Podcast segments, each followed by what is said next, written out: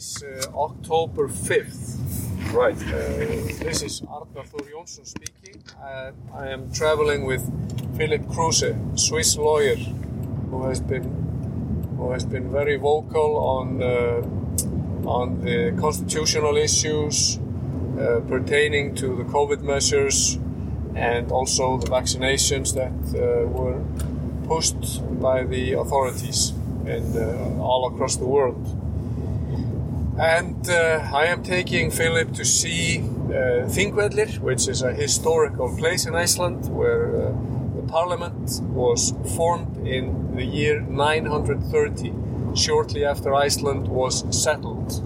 And it is a, a, a place that has a, a monumental uh, historic value for people, the people of Iceland and should have also a, special place on the stage of, of uh, international politics as this was a place where people came together and said, okay, we are here in a new country, we're going to live by the law, we're going to settle our differences peacefully. And this was an organic law that was made.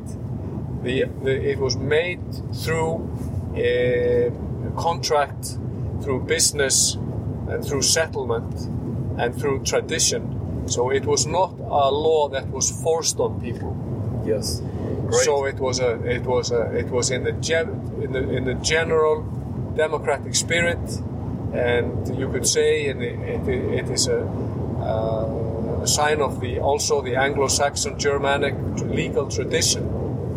Uh, so that uh, it is a complete uh, reverse model of the, the model that we are seeing today, where the law is coming from above, from the authorities, without the people having any say now in what happens.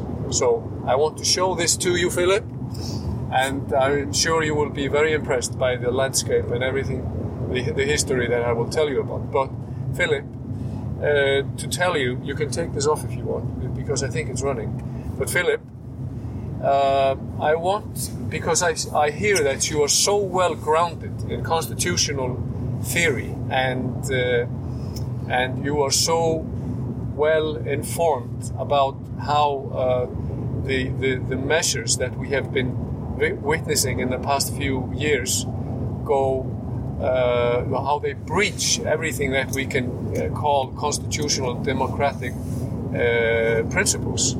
So I want to, to hear perhaps first uh, a little bit about uh, uh, your your background and how you came to uh, take interest in, in such keen interest in what has been going on. Yes, uh, thank you so much, Arnar, for inviting me to Iceland um, to this yesterday's conference um, with great experts. It was a privilege for me to be with them on the podium and a privilege for me to speak to the people from Iceland, to those who were interested.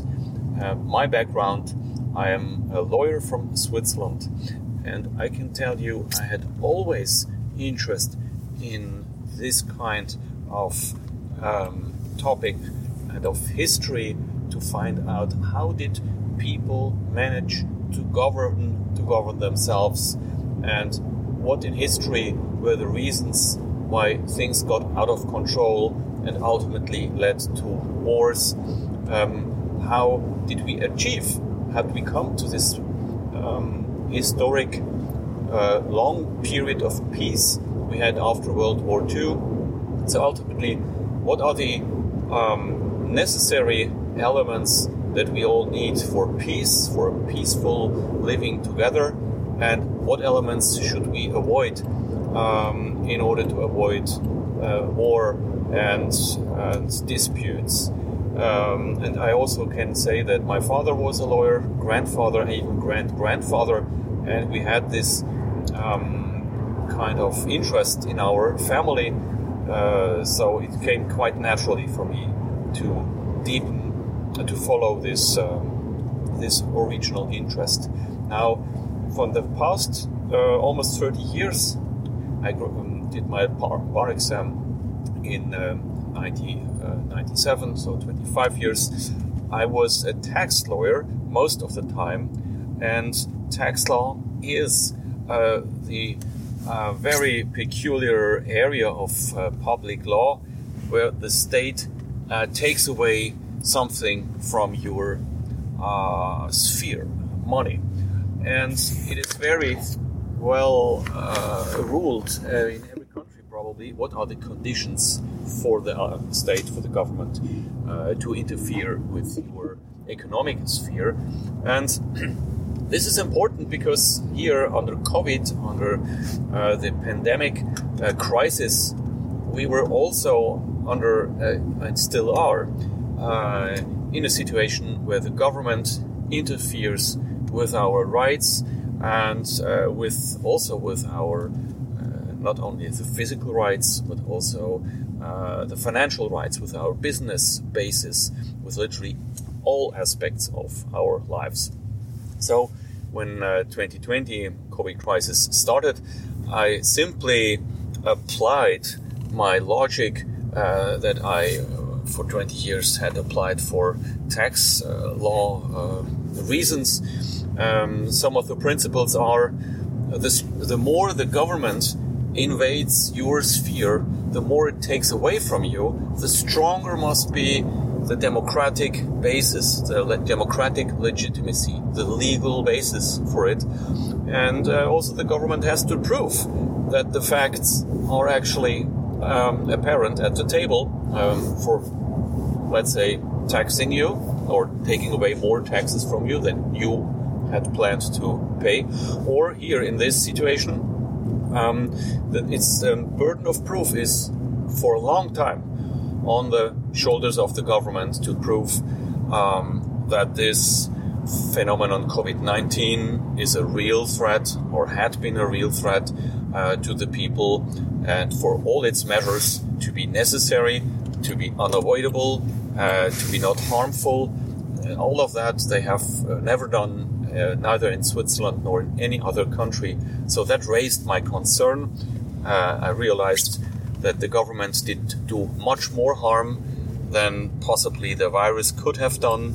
So they should, the Swiss government, but also the others, should have come in mid of 2020 to a stop and say, okay, now we go back to normal and um, let's do a proper um, after action review, which is a standard uh, approach of uh, worldwide accepted quality uh, control principles uh, because you don't want to perpetuate any mistakes.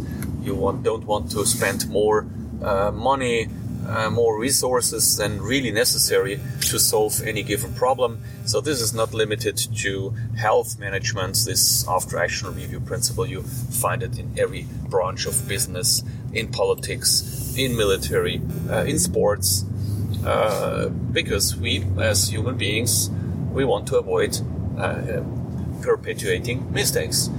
Um, so that was the basic start, actually, how I started, and then I focused in my entire legal practice. Actually, um, I focused on uh, helping people that were violated by the duty to wear masks, children uh, mostly, uh, in schools. I did more than uh, 10 procedures uh, up to the High Court in Switzerland to abolish this duty, to have it declared unconstitutional, because children were never in threat under COVID 19 or from COVID 19 virus, um, only under the threat or on, only uh, at harm, at risk uh, from these masks they had to wear in Switzerland many months in primary school. The same then for the testing um, obligation, the testing mandate. Then later on came uh, autumn 2021, the restriction, access restriction to uh, universities for students um, under the condition of uh, providing a COVID uh, certificate. So you had to prove that you were either test negative or recovered from COVID, or you were um, actually vaccinated.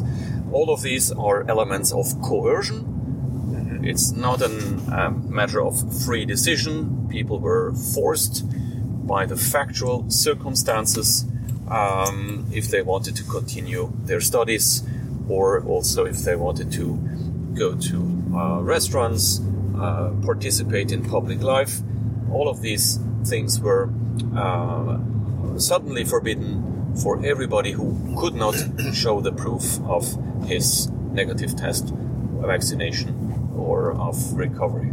So uh, all of that I did, and then ultimately it culminated in a huge work, a huge project, and that was to uh, file a criminal complaint against our Swiss highest uh, medical safety agency, Swissmedic, for illegally authorizing these mRNA based, highly risky experimental substances to be used for everybody in public as a preventional uh, medical substance. And um, together with a strong team, I've had to hire an, an additional lawyer and a scientific expert who actually did nothing else but this in order to make it really substantial. We also got help from international well acknowledged experts and then finally submitted this criminal complaint mid July 2022 and now we use this updated version, version 2.0. Okay. Yeah.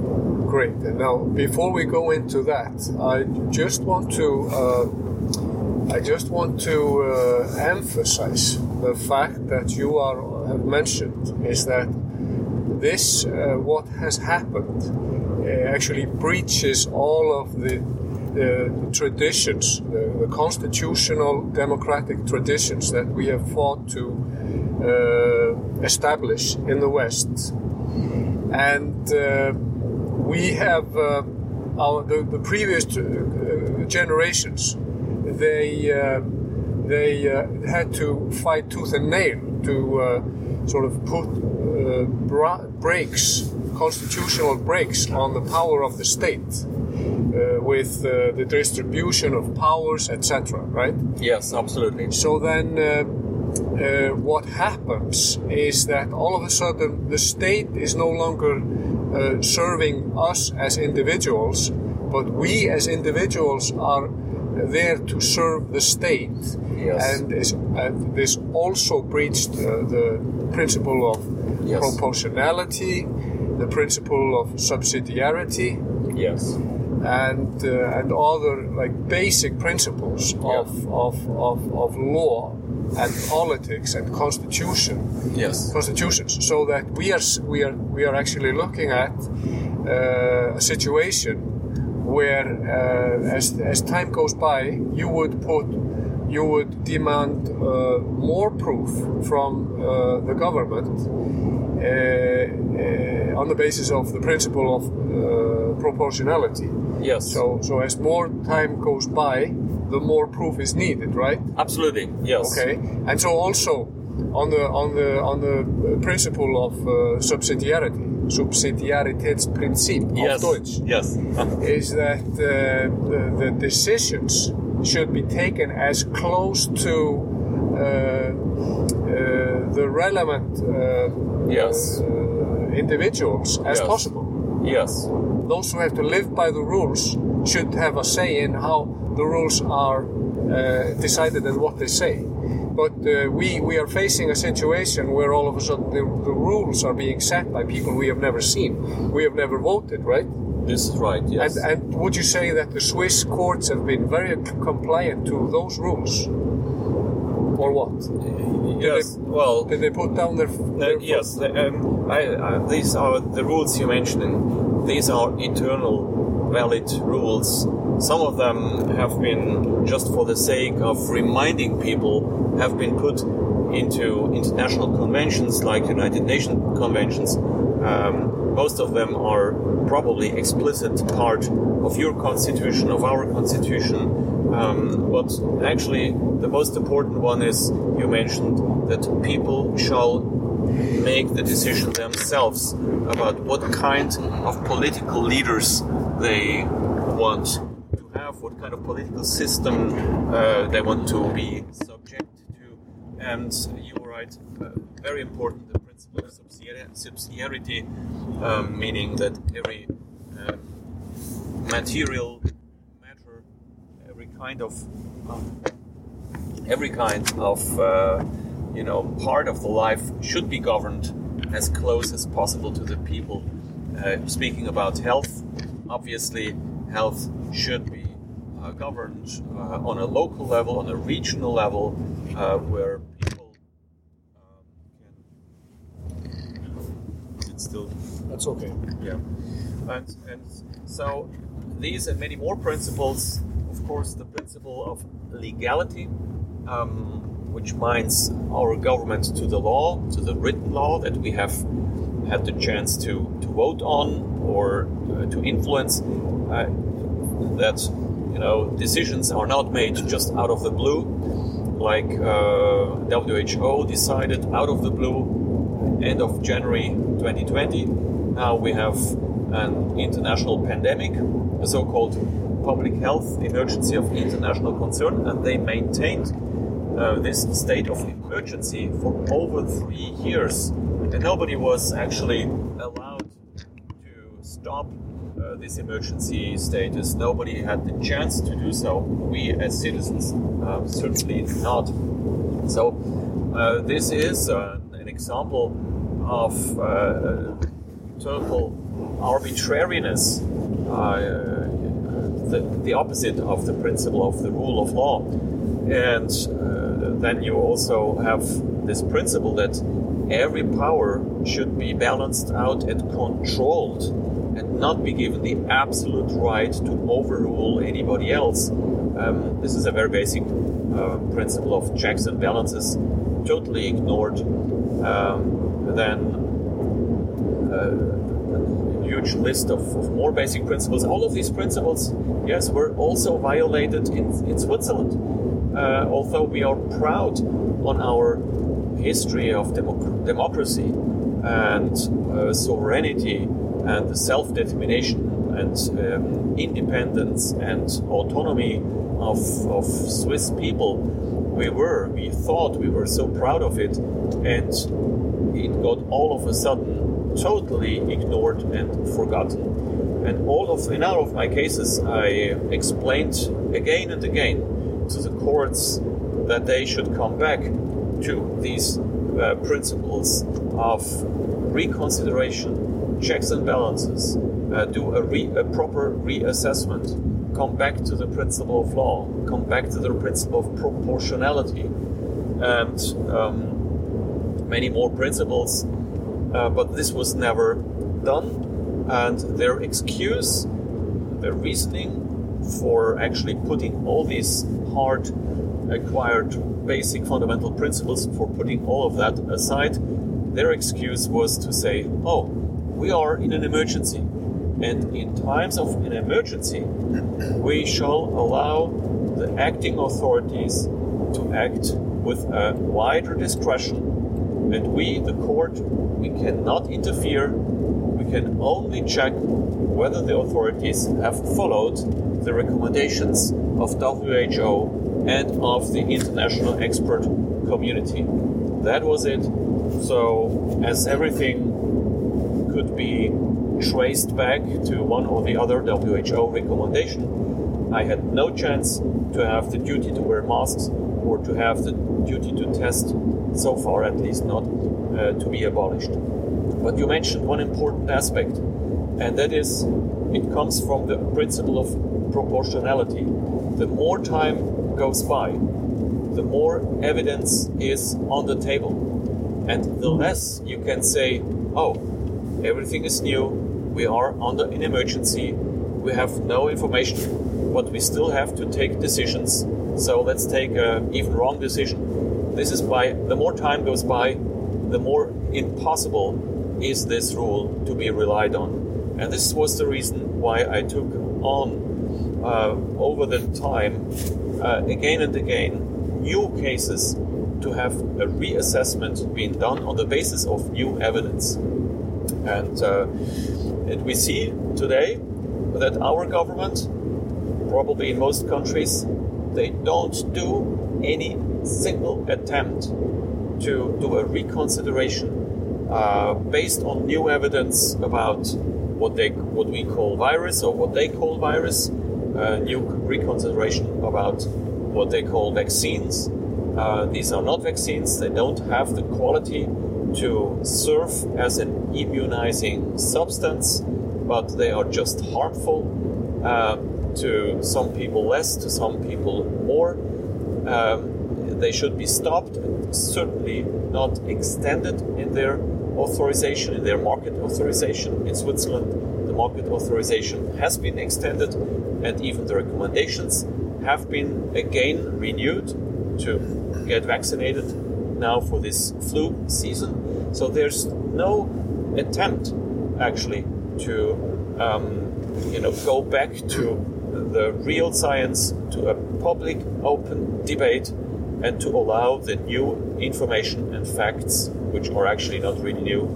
We have Okay. seen that from the beginning. Okay, so would you Yeah. say that we are, in fact, on a dangerous path when it comes to the politics? That we are on a dangerous path uh, uh, when it comes to how science is being uh, uh, applied or not applied? Yes, And uh, that we are on a dangerous path when it comes to public health? Yes, yes, very dangerous. Um, because we have a top down approach. That's a very important point you made. The top down approach is the dangerous element. Uh, the people are uh, not anymore in control of the power. We have no influence. Uh, our voices are not heard. And um, we have just one uh, organization, worldwide organization, where few people take the decision above our heads. They decide whether there's an emergency.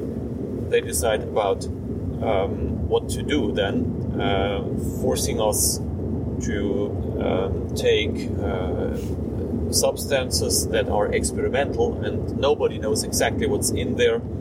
We know that they are extremely harmful, extremely dangerous, um, and, and most significantly, something we have not yet mentioned, what they um, claim to have global authority, global leadership, and global information monopoly, total control of information. That's the case already during the past three years, uh, starting with uh, 2020 uh, pandemic crisis.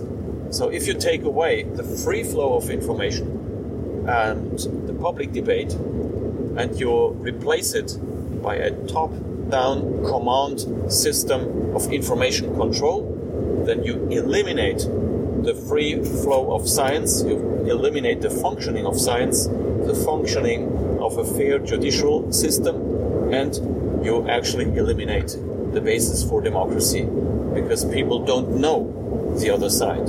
They are not even allowed to consider the other side. And this is a, very dangerous um, permanent situation now going on for more than three years, and it, it is intended to be permanently applicable under these new international health regulations that they are about to be negotiated, shall come to vote in May 2024. So, if you eliminate the free flow of information, free speech, free information, you actually eliminate science, justice, and democracy. And this is truly dangerous. Yes, but you know, uh, all of the basic uh, well, tyrants of history have uh, have justified their actions with uh, reference to exceptional circumstances Yes. or dangerous circumstances. Uh, this is the au, the Ausnahme Yes. or, or, or, or the, the exception. Yes. And then and then even in the, the Third Reich, uh, I think his name was Frank. He was considered their uh, their uh, top lawyer. He said, "Well, the Constitution is, is not a problem. We can justify anything by saying that that this is uh, an exceptional situation, which calls for uh, uh, exceptional measures." Yes. So, uh, what is the uh, what is the, the way to uh, respond to this? Yes. Be, we- we- I mean, the obvious uh, answer would probably be to say that there is no such emergency that justifies the extreme measures that have been taken. If you look at just the uh, the, the statistics, uh, can you see any indication that, that, that there were, after let's say the first few weeks, where we didn't know where we were at, but after that, was there any justification for, for these emergency acts? Um, this is a series of questions, and I would start with the basic principle which you raised this question of um, exceptional emergency. As this word already states, an exception must remain an exception. And if you um, think of, you know, replacing a well-established and democratically justified system by an authoritarian, totalitarian, or even dictatorial uh, system um, on a permanent basis, then this is not an exception anymore. Uh, this is a change of regime. And any change of regime that is not in line with what the people really want is, is absolutely against every basic principles of universal laws of the self-determination of the people. The people, it's only about the, the people who decide uh, what kind of system we want to live in. And coming back to this emergency logic, yes, this is a tool for self-empowerment of dictators in all times. Um, what we have, how do we have to respond to that? That was your question.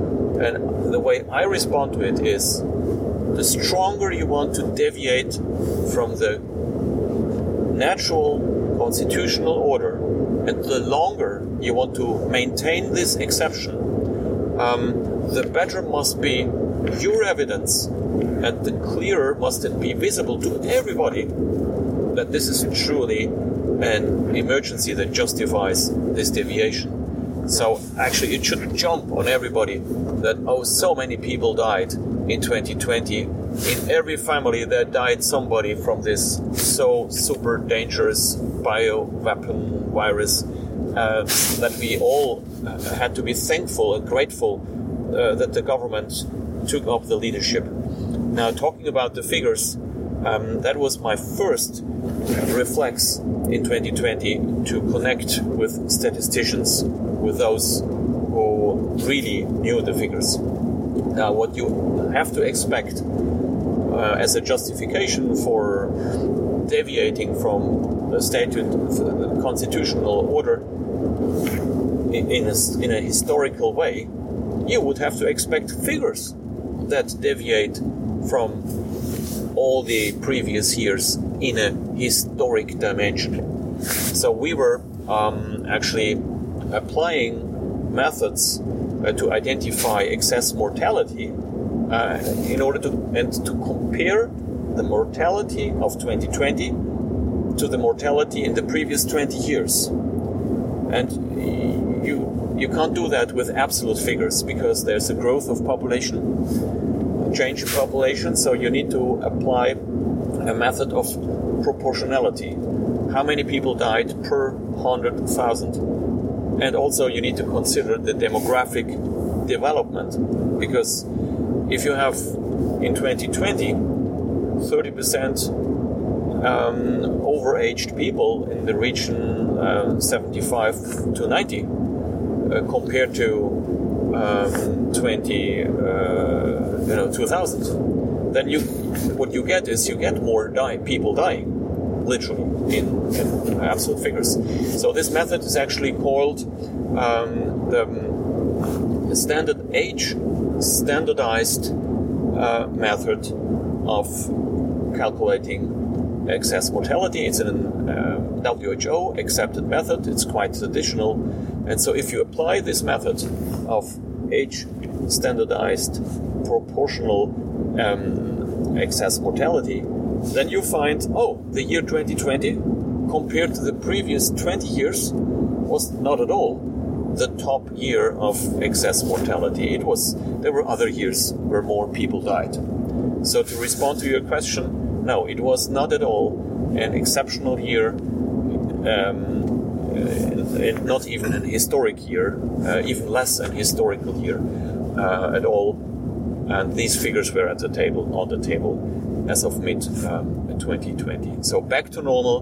That's a demand that must be a demand of the people, of we the people. We have to claim back normality uh, because this um, entire concept of emergency, this is an illusion. It, it was produced only for the purpose of empowering WHO. Yes. And uh, So, yeah. so we are actually facing uh, a power grab by by the WHO yes, and uh, a, a complete shift of uh, of uh, uh, governance. yes, So when we come back, we will continue with uh, our discussion on uh, how